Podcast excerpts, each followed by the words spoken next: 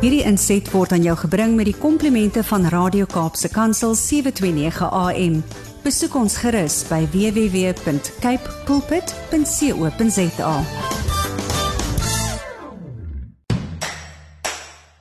Goeiemôre hier op die 26ste November van die jaar 2022 en ek is baie dankbaar dat jy ingeskakel is op die senders van Radio Kaapse Kansel. Dit is net na 7. Dit beteken jy luister na Landbou Landskap en dit is van my Willem van Jaarsveld wat die goeie wense vir jou kom vir hierdie dag. Ek is jou gasheer tussen 7 en 8 elke Saterdagoggend op hierdie sender en ek is bly dat jy op 729 AM of dalk op 729 MW ingeskakel is en as jy elders buite die opvangsgebied van hierdie twee senders na ons luister dan beteken dit net een ding en dit is jy is ingeskakel deur middel van die internet. Maar hoe dit ook al sê, baie baie welkom.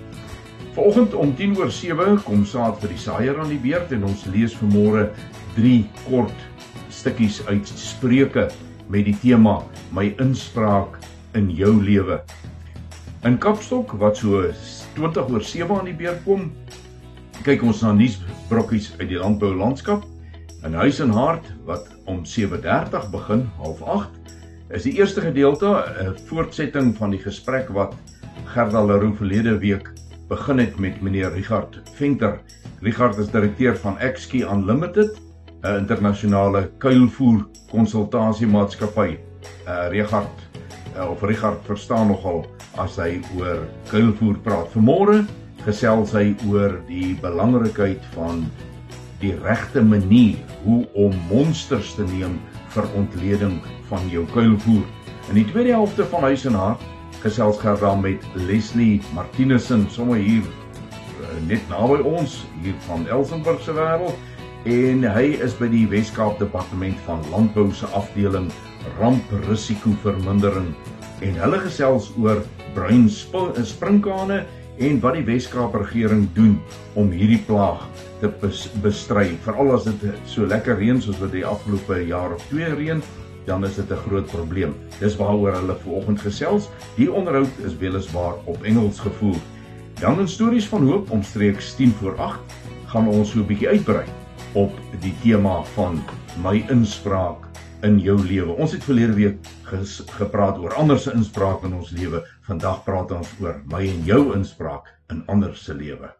Landbou landskap word aan jou gebring met die komplimente van Cape Pots varsprodukte mark. Ek nooi jou om met ons te gesels deur middel van ons WhatsApp en Telegram nommer 081 729 1657 of jy kan 'n SMS stuur na 37988 37988. Jy kan ook vir my 'n e-pos stuur by wilhelm@capepulpit.co.za. Begin met die woord landbou. Ons gesels net hierna verder. Ek het hierdie week die geleentheid gehad, 'n baie groot voorreg om 'n 2 dae so 'n draai deur ons land te maak. Die eerste keer was ek vinnig Pretoria toe vir vergaderings en sommer weer so 'n bietjie uit die lug kon sien hoe lyk die wêreld en natuurlik die somerreënsaai gebied lekker baie reën daar is baie plekke is om 'n moeilikheid met die reën baie jammer dat daar ook dan nou dele is wat nog glad nie reën gekry het nie so donderdag hierdie week het ek 'n draai gaan maak daar in Hartenbos vir 'n vergadering daar en die heel pad die hele dag reënerig koel cool, wolke weer gehad. Dit is waar ons is 'n snaakse seisoen tot hier toe. Maar nou ja, dit is die wonder van die lewe en natuurlik die wonder van ons land Suid-Afrika. Net hierna is dit tyd vir saad vir die saaier en ons gesels so 'n bietjie uitspreuke. Dit het nou tyd geword vir saad vir die saaier en soos wat ek reeds gesê het, kyk ons na 3 skrifgedeeltes uit die boek van Spreuke vanmôre. Eerste Spreuke 1 vers 8. Daar staan: My seun, luister na die tug van jou vader en verwerp die onderwysing van jou moeder nie. En dan Spreuke 4 vers 20 staan daar: My seun, luister na wat ek sê, neig jou oor tot my woorde. En in Spreuke 5 vers 1 staan: My seun, luister na my wysheid, neig jou oor tot my insig. al drie hierdie verse is dit die pa wat met sy seun praat en hom aanmoedig en by hom aanbeveel om na die vader se woorde te luister, maar dan ook te sê na die onderwysing van sy moeder moet hy luister. Wat hierdie vir my baie spesiaal maak is elkeen wat kinders het, wat kinders grootgemaak het of selfs nog besig is daarmee, sal weet dat ons wil baie graag hê dat kinders na ons moet luister. Vir verskeie redes, maar die belangrikste sekerlik dat 'n mens vir die kinders dinge wil leer wat vir hulle later in die lewe baie belangrik is en sal wees. Al verstaan hulle dit op die oomblik nie. Maar wat ons baie daar daar vergeet is ons lewer inspraak in die kind se lewe.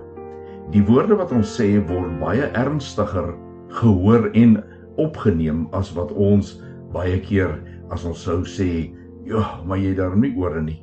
Ho hoor jy nie wat ek vir jou sê nie?" Dan impliseer ons dat die kind nie luister nie. Maar meermale luister die kind baie beter as wat ons besef maar die reaksie op ons woorde is so 'n bietjie anders as wat ons wou gehad het. Maar wat doen ons met die Vader, die Seun en die Heilige Gees? Het ons nie ook maar hierdie maniertjies nie? Ons luister, maar nie om regtig te hoor en te doen nie. En dis 'n probleem. Kom ons bid saam. Vader, ons kom in die naam van Jesus en kom staan skuldig voor U ook in hierdie oggend as ons so bietjie introspeksie doen dan besef ons meermale is ons niks anders as harthorende balhorige kinders ook in u aangesig voor u aangesig in u oë nie. Maar Here ons besef in hierdie oomblikke dat dit is teenproduktief in ons lewe en daarom wil ons in alle nederigheid en erkenklikheid kinderlikheid voor u kom en vra kom ons tegemoet in hierdie saak help ons om soos Jesus gehoorsaam te wees selfs tot die dood. Amen. Jy luister na Landbou Landskap en net hierna gaan ons so 'n bietjie kyk na nuusgebeure wat hierdie afgelope tyd die uh, wil nou sê die voorblaai maar eintlik die hoofopskrifte in landbou uh, tydskrifte gehaal het en meer spesifiek gaan ons kyk na landbou.com Dit is daai tyd van die jaar wat alles 'n bietjie stadiger begin gaan en mense as jy met hulle praat dan is dit net vakansieplanne. Dit is wat gaan ons doen oor hierdie aftydperk van die jaar? Maar daar is natuurlik in die boerdery bittermintyd wat ek praat van in die geheel wat 'n aftyd is. Want as dit vir een 'n uh, aftyd is, is dit vir 'n ander tyd 'n uh, ene weer 'n aandtyd. Uh die wat nou oeste afgehaal het, kan dalk as hulle net daar met koring en canola geboer het, sê ek rus so 'n bietjie. Maar vir 'n klomp ander ouens is hierdie 'n seisoen van voorberei en alweer plant. Net hier na Kapstok. Nou ja, in Kapstok gaan ons so 'n bietjie kyk na gebeure en uh ek het vroeër in die program daarna verwys dat ek dit beleef het dat dit in die somersaai en selfs in die wintersaai gebied hierdie week 'n uh, paar plekke nogal lekker gereën het. Nou vir party mense is dit natuurlik goeie nuus en vir ander is dit minder goeie nuus. Maar as daar 'n paar boere is wat regtig benoude oomblikke beleef, dan is dit boere van die Benede Oranje. En in landbou.com berig Karin Kreer en Amelia Genus onder die opskrif kyk vloedwater boere hoop noodwalle hou skryf hulle natuurlik die volgende. Meneer Wilko Fourie die voorsitter van die Oranje rivier landbou unie het Woensdag 23 November gesê sover bekend was daar by Kuimoes een wal is nou keerwalle wat meegegee het en noord van Appie Appington nog een. Water het op ander plekke in 'n klomp laag geleë lande boorde en wingerde ingespoel. Hoewel die skade minder is as wat ons aanvanklik verwag het is daar steeds skade in 'n tyd dat boere dit nie kan bekostig nie sê Fourie. Die rivier wat in vloed is na swaar reën in die opvangsgebiede het vanoggend, dit was dan nou woensdagoggend, sy hoogste vlak by die Groblershoop gebied bereik en dit sal na verwagting later in die dag dan by Appington verbykom en dan die volgende dag, dit sou dan nou donderdag wees by Kakamas. Die hoogste vloei was net meer as 4000 kubieke meter per sekonde. Minder as die 4400 kubiek wat aanvanklik verwag is, maar meer as die 3700 kubiek wat boere in Januarie beleef het. Dit is die derde keer in die afgelope 24 maande dat die rivier in vloed is. Fourie sê die huidige spits is die hoogste vlak sedert 2011. Nou as 'n mens 'n bietjie op landbou.com se webtuiste gaan kyk, dan is daar pragtige video's en en fotos, pragtig om na te kyk, maar as jy sien hoe dit in die boorde en ander laagliggende gedeeltes naby die rivier gaan, dan voorspel dit natuurlik niks goeds vir party boere wat daar rond boer nie ons kan regtig waar eh, vir die mense intree en help bid dat daar uh nie verder skade of groot skade sal wees nie want dit is altyd 'n wesenlike gevaar. Dan sê hulle ook die riviervlak by die Groblershoop brug was op Woensdagoggend 6,9 meter, dieselfde as die vorige dag en dit het die vorige dag dan nou Dinsdag net met 10 cm gestyg. Nou ja, jy uit daai woorde kan mense aflei. Daar's 'n stygings, maar die boere is so dankbaar dat dit net 10 cm is en nie dalk 'n meter nie. So kom ons hou hulle tog maar in ons gebede oor hierdie saak. En dan so 'n bietjie nuus hier van uit ons eie wêreld. Verrassende oestyd staan einde se kant toe. Amelia Genus berig dat Wes-Kaapse boere is stadig aan besig om die oes wat almal so verbaas het af te handel. Behalwe dat die opbrengste beter is as wat hulle verwag het, gegee die min reën wat hulle gekry het, het hulle ook meestal goeie oes weer gehad. Meneer Billy Stewart van Groot Boskop by Napier sê dit gaan beter as wat hy verwag het. Hy sê die canola verbaas ons. Ons het oor die oor die 2 ton per hektaar van al die kultivars geoes.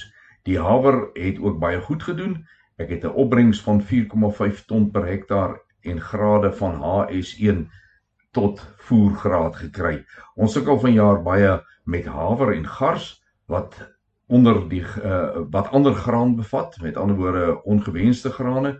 Dit was so droog toe ons geplant het, ons kon nie die opslaggraan doodspuit nie. Sy gars het ook gemiddeld meer as 4 ton per hektaar opgelewer, die meeste daarvan moutgraad. Die koring wat baie reën nodig het, verbaas hom die meeste. Hy verwag 'n opbrengs van gemiddeld 3,7 ton per hektaar, maar daar is van sy kampe wat seker dan van die lande wat 4 ton per hektaar gehaal het. Die koringgradering is meestal B2 en B3. Nou ja, dis wonderlik. Ons weet dat die jaar het nie so goed gegaan soos wat ons almal gehoop het nie en 'n deel daarvan is nie net die oeste wat daaronder gelei het nie, maar ook baie van ons damme, die opgaardamme in die Wes-Kaap wat nie heeltemal die watervlakke het wat ons uh graag sou wou gehad het so aan die einde van die reenseisoen nie. Maar nou is dit vir my ook interessant dat ons ook soveel anders as as wat dit eintlik behoort te wees, uh selfs nou hier by die somer moet inskop, kry ons nog reën. Nou ja, die manne wat oeste afval wat nog nie klaar is met hulle uh veral koring nie. Ja, vir hulle kan dit 'n probleem wees. Maar as dit soveel neerslag is dat ons daarom so 'n bietjie water in die uh damme kan kry, nou ja, weliswaar dink ek nie is dit so baie water wat ons uit die hemel ontvang nie, maar dit help, dit help elke bietjie help om uh, die grondvog aan te vul. So ons is dankbaar daarvoor en ons hoop dat die diegene wat nog moet oes of besig is met die oes, dat dit hulle daarom ook 'n tydjie sal gee om hulle grane af te kry met 'n goeie gradering ingesluit. Nou ja, daarmee aan die einde van 'n kapstok van vanoggend, uh, bly ingeskakel, ons gaan net hierna voort. Ja, as jy nou mooi opgelet het dan uh sou jy gehoor het in kapstok is dit daardie interessante ding van landbou. Uh, party plekke te min water, party plekke te veel water en ons het absoluut geen vermoë om van die plekke waar daar so baie is dit te skuif na die plekke waar daar nie is nie. Dit is toe nou nie ons werk nie. Dis nie deel van boer wees nie. Dis nie deel van mens wees nie. Dit lê op 'n vlak baie ver verhewe bo ons uh wat ons kan dink en wat ons kan doen. Maar is dit nie wonderlik dat ons in al hierdie omstandighede nog steeds kan vra uh, vir dit wat ons nodig het en die Vader se oor is altyd oop om te hoor en sy hand is altyd daar om te ondersteun en te gee. Nou net hierna in uh, huis en hart gaan ons luister na soos wat ek beloof het, toe baie interessante gesprekke bly ingeskakel. Richard Venter is die direkteur professionele veekundige en kuilvoerkonsultant by Exile Unlimited. Richard, baie welkom op ons program. Baie dankie. Richard, in die vorige program het ons gesels oor die belang van kuilvoermonsterneming. Nou, daar is verskillende metodes om hierdie monsters te neem. Dit hang seker af van die vorm van kuilvoerbewaring, nê? Byvoorbeeld silosakke, bankers en kuilvoerbale of nie? Ja, absoluut. Byvoorbeeld ons het verskillende soorte bore. As jy nou in 'n kuilvoerbale in byvoorbeeld gaan boor, gebruik ons gewoonlik 'n dunner boor. Hy het so 'n uh, 50, 60 mm kernpyp met 'n lem vooraan en 'n skroefdraad en 'n oordentlike arm agter wat jy kan draai en dan bale omdat hulle hoëte gevalle is met 'n ou nogal in inboor. Dieselfde boor gebruik ons op 'n soort silosakke. Silosak se monsterneming is die maklikste van die kant af. Ons moet altyd dink hoe gaan ons die gate weer toemaak, né, nee, want dit is belangrik dat ons gate weer toeplak wanneer ons gate gesny het om monsters te neem. Wanneer ons egter byvoorbeeld in kuilvoer bankers of hope in monsters neem, wat ons van bo af neem, uh, selfs as die banke nog toe is, dan sny ons 'n klein opening in daai plastiek wat natuurlik ook weer met toegeplak word met keilvoer duct maar dit gaan daaroor dat jy hom van bo af wil jou monster neem. Vir 'n voedingsontleding verwyder ons dan die bo-laag en dan boor ons af daar. Dan gebruik ons baie keer hierdie 110 mm plastiek PVC pype wat ons tande insny in die voorkant en dan boor jy hom lekker in en om jou monster lekker diep 40 50 cm diep te gaan haal en dan moet ons ook net weer aandag gee aan die toeplak wil ek net noem. Onthou daai area waar jy toeplak moet absoluut skoon en droog wees anders gaan die tyd of die daktyp eenvoudig nie hou nie en dit gaan weer lostrek. En dan wonder ek nou die monsterneming kan sekere tye gebruik word nie soos voor 'n banker oopgemaak word en as die banker klaar oop is en na die banker oopgemaak word. Verskil die monsterneming dan of nie? So ons begin eintlik al monsters neem wanneer ons besig is om kyk wat te maak. So dan is die bank ons nog glad te doen. Dan toets ons gewoonlik net die materiaal en dan vat ons net van die los materiaal. Banker wat reeds toe is of die silosak wat daar toe en rustend lê. Dis baie belangrik om soos ek nou net beskryf het wanneer jy hom oopsny en jy monsters neem om hom dan net weer mooi toe te plak op 'n skoon droë area. Maar die banker wat dan nou oop is, as jy 'n keilvoer banker het waar uit jy uitvoer en jy wil op die gesig van daai banker jou monsters vat, dan sê dit eintlik aan by daai metode wat ek verlede keer beskryf het van die monsterneming oor die gesig. Ons gaan in 'n weefvorm van bo skuins af na onder, weer op na die middel bo, weer af na onder, weer op na bo reg. So dis 'n weefvorm oor daai gesig tot soveel as 15 gate of areas waar ons wil boor of dan nou wil wil wil monsters neem en onthou dit gaan in 'n emmer in waar dit rustig dit stadige onder na bo draai beweging net gemeng word en dit is dan die monster waar uit die sipmonster geneem word wat na die laboratorium toe gaan. So ja, heeltemal reg, jou oop banker 'n monster eintlik heeltemal anders as 'n toe banker. En ons moet ook onthou dat as 'n oop banker se gesig al vir 'n rukkie oop is en vir alles daar stadige uitvoer uit daai banker uit is, dan is daai voorste laag op daai gesig is nie net uitgedroog nie. Hy is aerobies onstabiel. Hy het suurstof gekry wat die bederfsorganismes aktiveer en dit beteken dat jy kan nie daai voorste laag van daai banker gebruik nie. Daar moet ons ook 10 tot 20 cm ten minste ingrawe in die gesig in en jou monster daar agter gaan haal waar daar baie kleiner of hopelik geen impak van suurstof nog op daai kouvoer was sodat jou monster se teenwoordigheid kan wees. Richard, nou is daar 'n ideale tyd om hierdie monsternemings te neem of nie? Die tyd dink ek hang af van wanneer ons die kuilvoer gaan wil gebruik. Ek dink 'n ou moet besef jy moet tyd gee om jou rantsoen aan te pas voordat jy by daai kuilvoer begin. Voor dit moet jy tyd laat vir die laboratorium om die ontleding te doen. En voor dit moet jy tyd laat vir die persoon wat die monsters moet neem en dit reg moet stuur laboratorium toe.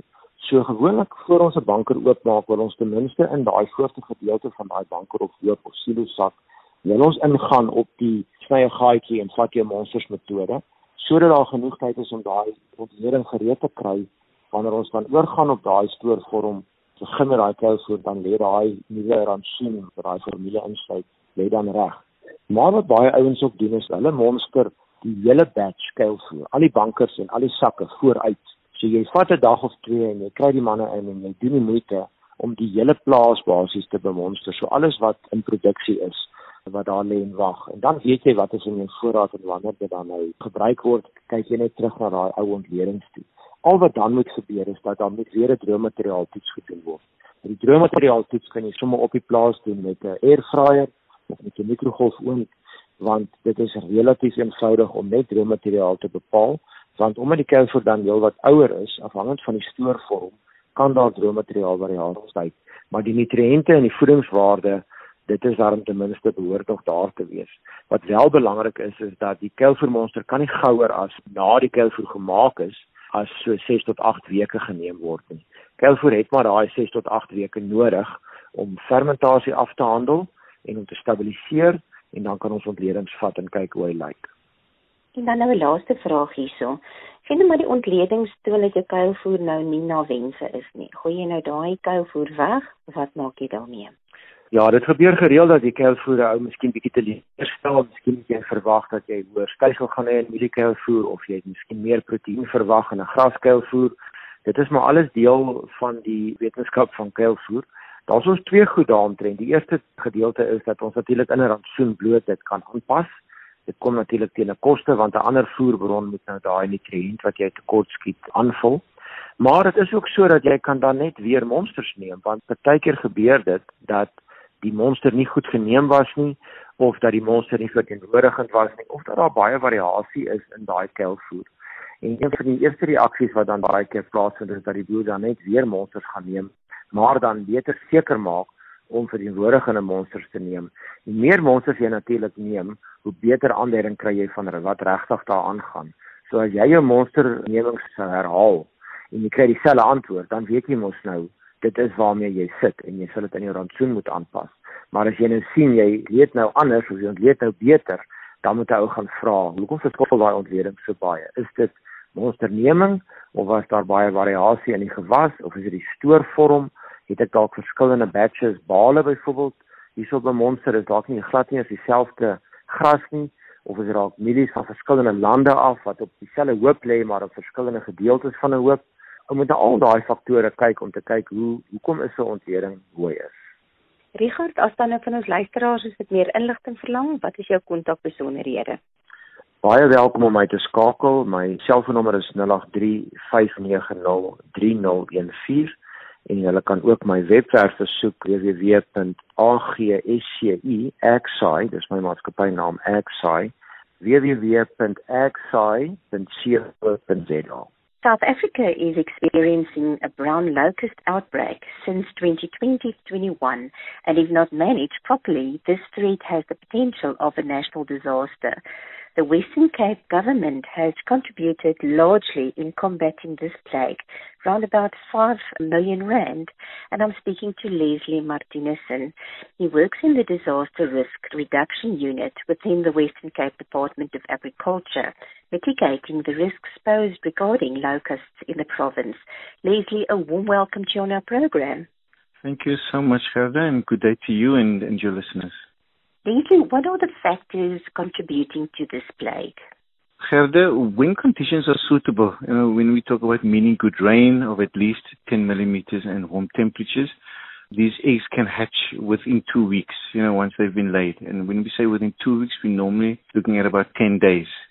We must also just remember that during periods of drought, the eggs will lay dormant for many, many years until the first rains. And then, like I mentioned earlier, when the conditions are suitable, these eggs will then hatch.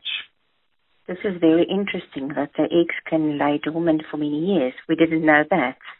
I came to learn this from the guys that's been working out in these areas. And initially it was, you know, they lay dormant for two to three years. But guys have been reporting that some of these eggs have been laying dormant for five, six, seven years. So that's been quite a surprise for me. Lately now, it has been reported that flies were seen at the end of August. What is the situation presently? I think I first need to just take you back a little bit. In terms of our early warning systems, we always look to see what's happening in the other provinces. So in early September this year, we had our first reports of sightings in the northern and eastern Cape. And as I mentioned, this is part of our early warning systems. This gives us then an indication, look, we now need to be ready. So there was reports of sightings that side. Initially also in the Little Karoo, in the Garden Route, there were some sightings of locusts, but this wasn't the brown locust that we are used to. This was I think they call it the stink sprinkaan. Sorry for my Afrikaans, Gerda. But apparently that's not such a big problem at the moment. So there are two locust outbreaks, if I can call it as such. Yeah. Look, like I said, that one is just a minor thing. So we normally just concentrate on the brown locust. At this point in time, there has been minor outbreaks in certain areas, but we'll talk about that later on. Now, regarding the brown locusts, what districts are affected? Yeah, at this point in time, and again, I just want to mention, we need to look at these locusts in the context of the ongoing drought. Now, on the 20th of July 2021, the National Disaster Management Center classified the drought in parts of the Western Cape as a national disaster. It just so happens, Gerda, that many of these drought areas are the very same areas where we find our locusts. So I think that's very, very important. And these areas are the Central Karoo. And when I say the Central Karoo, we're talking about the entire Central Karoo talk about the little Karoo that's found in the Garden Route. There's an area in the Cape Winelands which is called the Tankwa region. There we've also had locusts. And then, of course, in the northern parts of the West Coast districts, namely the Matsakama area. So those are the areas that have also been experiencing the ongoing drought. So, there's a danger that this plague can go to other districts as well. Yes, no, that is very much so. And unless we control these locusts, that is a huge risk that many of our other districts do face. And hence we've tried to put plans in place to prevent this. But like you rightfully mentioned, if we don't control the locusts where they hatch or where the hoppers are, we do run the risk of these things spreading to other areas. Now, speaking about control, the Western Cape Department of Agriculture has a mitigation plan, as you said, in combating this plague. Now, please tell us more about this plan and how it is implemented.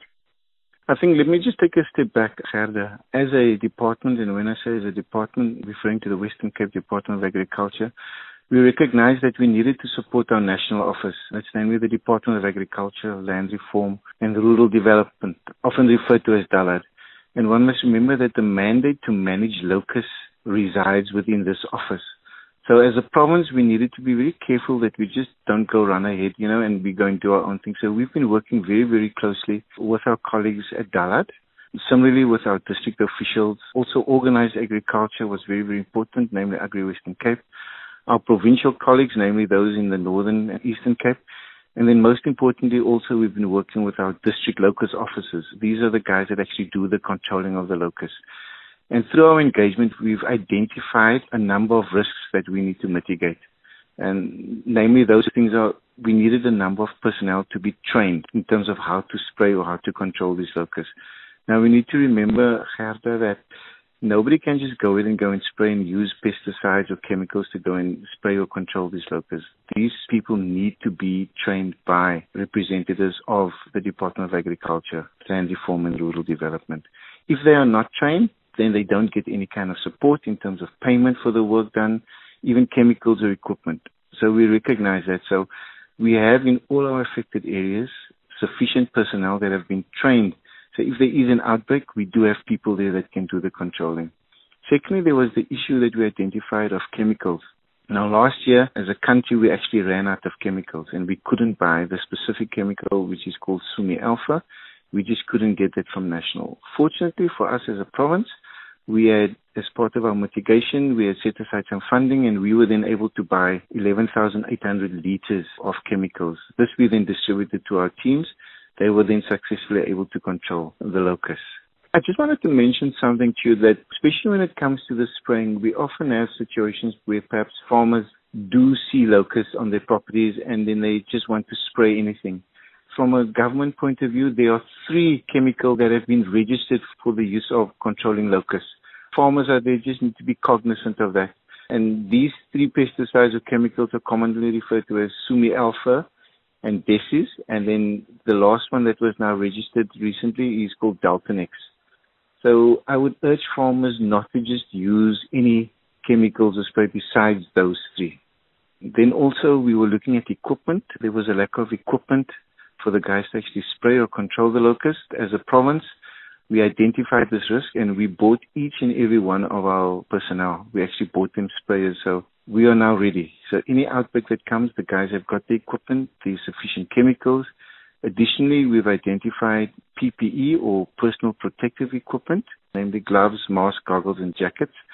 You know, when we were speaking or engaging with all our stakeholders, we also found that a lot of the time they might not have all the necessary PPE. We saw this as something that we really, really needed to get for our guys. So all our role players were on board with us, and then so we bought sufficient gloves, masks, goggles, and jackets for all our guys controlling. One must remember, Gerke, when you're working with these chemicals, you do run the risk of these chemicals leaking out and onto the bodies, and that can cause other issues. Additionally, we've also set aside some funding for aerial spraying in the event that, you know, what, if we needed helicopters or the aeroplanes to go out into areas that wasn't accessible by bakkie or by foot. And when I say bakkie, my apologies, have the, as in, a, I think it's called a pickup vehicle. Then the aerial spraying guys would go in and they'd be able to spray. We've established what we call the JOC or the Joint Operations Center, and that's both provincially and nationally. And that's where all the role players get together and we look at what needs to be done, what mitigation measures needs to be put in place. So all in all, we've covered issues of training, chemicals, equipment, PPE, aerial spraying. That's what we've done to mitigate the risk of these locusts. Leslie, thank you very much. This is excellent news and thank you for your hard work. Now, just a few more questions before I ask the contact details. What can the farmers do from their side to strengthen your hands? The one thing that they need to do as soon as farmers have any sightings of locusts, they need to urgently report that to the nearest agricultural office or to what is referred to as the DLO, the district locust office in the areas. And you know, farmers are very close knit communities, so most farmers are well aware of who these district locust officers are. But in essence, they need to report it immediately. I just want to mention to you, Gerda, as well, that you know, we do have what is commonly referred to as lifestyle farmers, where there's no one on the farm at certain periods within the year. And this also then becomes a breeding ground for many of these locust eggs. So farmers just need to be on the lookout, you know, even on the neighboring farms. If they do see any locusts out there, they need to report it immediately. And if there are some of our listeners that are traveling and they see these locust swarms, what should they do? I think what is very interesting is, and this is what I love about our public that goes out there, is that they'll have their cell phones, so they'll take videos and they'll post those videos. And that is very, very important because we can date stamp those videos. And, you know, when we do our reporting, we can actually say, note on this day, this is locusts that were sighted. And so similarly as with the farmers, they need to report this as soon as soon as possible to again the nearest agricultural office or to the national department who has got two offices, one in the R and then one in Uppington as well. Vicky, where can you be contacted for further information? I'm going to give you the number of our national office. The one is in the R, and that is on 053 631 3621. I'm going to repeat that. This is our national office in the R, 053 631 3621. And then we've got another one. Our national office in Uppington is 054 338 5228. I'll repeat that. 054 338 5228. Those are our contact numbers. Ek het dit goed gedink om ver oggend weer soos wat ek as ek nou reg my reg herinner al 'n paar keer nou in die verlede gedoen het om in stories van hoop 'n bietjie uit te brei op dit wat ons begin in saad vir die saaier met 'n uh, tema en skrifgedeeltes. Nou vir oggend is dit natuurlik so dat die onderwerp, die tema wat ons aangeraak het in uh saad vir die saaier is is een van daai soetsuur tipe van temas wanneer dit gaan oor my inspraak in jou lewe en veral wanneer ons dit rig volgens dit wat in Spreuke en ek het net 3 verse uit Spreuke aangehaal vir oggend, maar daar is in Spreuke 'n ongelooflike klomp skrifgedeeltes of of verse waar die skrywer eh, baie baie duidelik praat met soos wat hy dit nou noem my seun, maar dan kan 'n mens ook sê met jong mense in die algemeen, maar met mense in die algemeen? Nie net met kinders nie, nie net met jong mense nie. Daai tipe raad is nie binne 'n ouderdomsbeperking nie. Wanneer hy sê luister na wat ek sê, dan kon dit net so wel gewees het 'n ek wil amper sê 'n stukkie uit 'n handboek wat jou voorlig hoe ouerskap bedryf moet word. amper sê ek nou gepleeg moet word, want soms pleeg ons ouerskap. Uh ons pas dit nie toe nie, ons leef dit nie net nie, ons pleeg dit. En ek gaan nou 'n bietjie meer daaroor sê. Maar die aanbeveling is dat of die gedagte wat hy uitspreek is dat dit wat ek vir jou sê is nogal iets. Hy noem dit hy luister hy luister na my woorde. Hy sê luister na my wysheid. Hy luister na my insig en wanneer jou moeder met jou praat, luister na die onderwysing wat daar in haar woorde is. Luister na die tug van jou vader. Dis alles dinge wat bedoel is woorde wat 'n boodskap oordra van dit het te doen met hoe ek jou stig. Dit wat ek oordra is bedoel om jou te laat floreer as mens om jou as my kind te bemagtig om die lewe en alles wat in die lewe met menswees te doen het beter te kan hanteer. En dan kom die gedagte by my op en ek ek ek daag elke ouer uh wat al te doen gehad het met kinders grootmaak om jouself so 'n bietjie voor die spieël te sit en te sê hoeveel keer het ek inspraak in my kind se lewe gelewer sonder dat dit volgens hierdie riglyn wat ek in Spreuke lees volgens dit was. Want jy sien net soos wat die skrywer daar sê, my seun, doen dit so, doen dit so. Luister na hierdie woorde, neem dit in. Of dit nou woorde van stigting of ek wil amper sê woorde van verdoemenis is wat ek uitspreek. Die kind hoor dit op dieselfde manier. Maar die uitkoms daarvan, die gevolge daarvan is nie dieselfde nie. Wanneer ons in ander mense se lewe en ek gebruik nou graag die voorbeeld van 'n kind, maar jy kan in die plek van die kind net sowel enige van jou vriende, jou familie of sommer mense wat jy nie eers ken nie wat jy vir die eerste keer ra, uh, raakloop of sommer op straat net by die werk waar ook al met hulle te doen het. Jou woorde word gehoor en het impak. Dit het impak of positief of negatief. Ons het laasweek gepraat oor wie laat ek toe om die draaiboek van my lewe te skryf. Maar vanmôre gaan dit oor wat van as ek die draaiboek van 'n ander mens se lewe skryf. En die woorde wat ek gebruik is nie woorde van bou en ophef nie, maar woorde van krink, woorde van afbreek, woorde van om jou waar jy is so sleg te laat voel oor jouself en oor jou mens wees en op die ou end te laat twyfel in die roeping waarmee jy op hierdie aarde geroep is om in die koninkryk van die hemele 'n verskil te maak deur hoe jy nou leef. Ons bemagtig mekaar nie, ons ontmagtig mekaar. En wanneer jy dink in terme van onderwysers met kinders, veral klein kindertjies wat uh, karakter nog broos is en gevorm moet word. Hoe praat ons as ouers? Hoe praat ons as onderwysers? Hoe praat ons as gesagsfigure in die algemeen? met ons kinders. En dan is die groot uitdaging. Wil ek volhou as ek agterkom ek is verkeerd met my verkeerd of wil ek werklik vra vir hulp by net die een wat die hulp kan gee?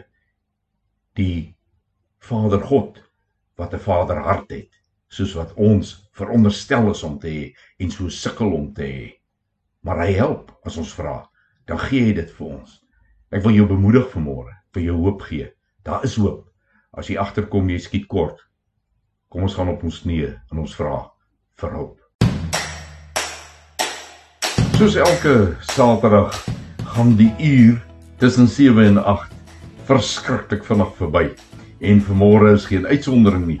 Ek wil of jy besef hierdie was die laaste gesels van November van hierdie jaar en dat daar nog net 5 geselse oor is in Desember, dan is hierdie jaar verby. So gaan die dae van ons jare, soos wat die woord sê. Hulle gaan soos 'n vlietende oomblik verby. Baie dankie dat jy vanmôre weer saam met my gekuier het hier op Landbou Landskap. Baie dankie dat jy luister na Radio Kaapse Kansel. Baie dankie aan Kyk Pots vars produkte mark wat dit moontlik maak dat ons hierdie uur so kan saam kuier. En vroeër in die program het ek die nommers gegee en die maniere en plekke wat jy met ons kan gesels. Doen dit asseblief so en laat ons van jou hoor. Tot ons weer saam kuier die volgende Saterdag hierdie tyd 7 tot 8. Groet ek jou Willem van Jaarsveld en mag jy elke oomblik Vader se guns op jou lewenspad beleef. Wederom Hierdie inset was aan jou gebring met die komplimente van Radio Kaapse Kansel 729 AM. Besoek ons gerus by www.cape pulpit.co.za.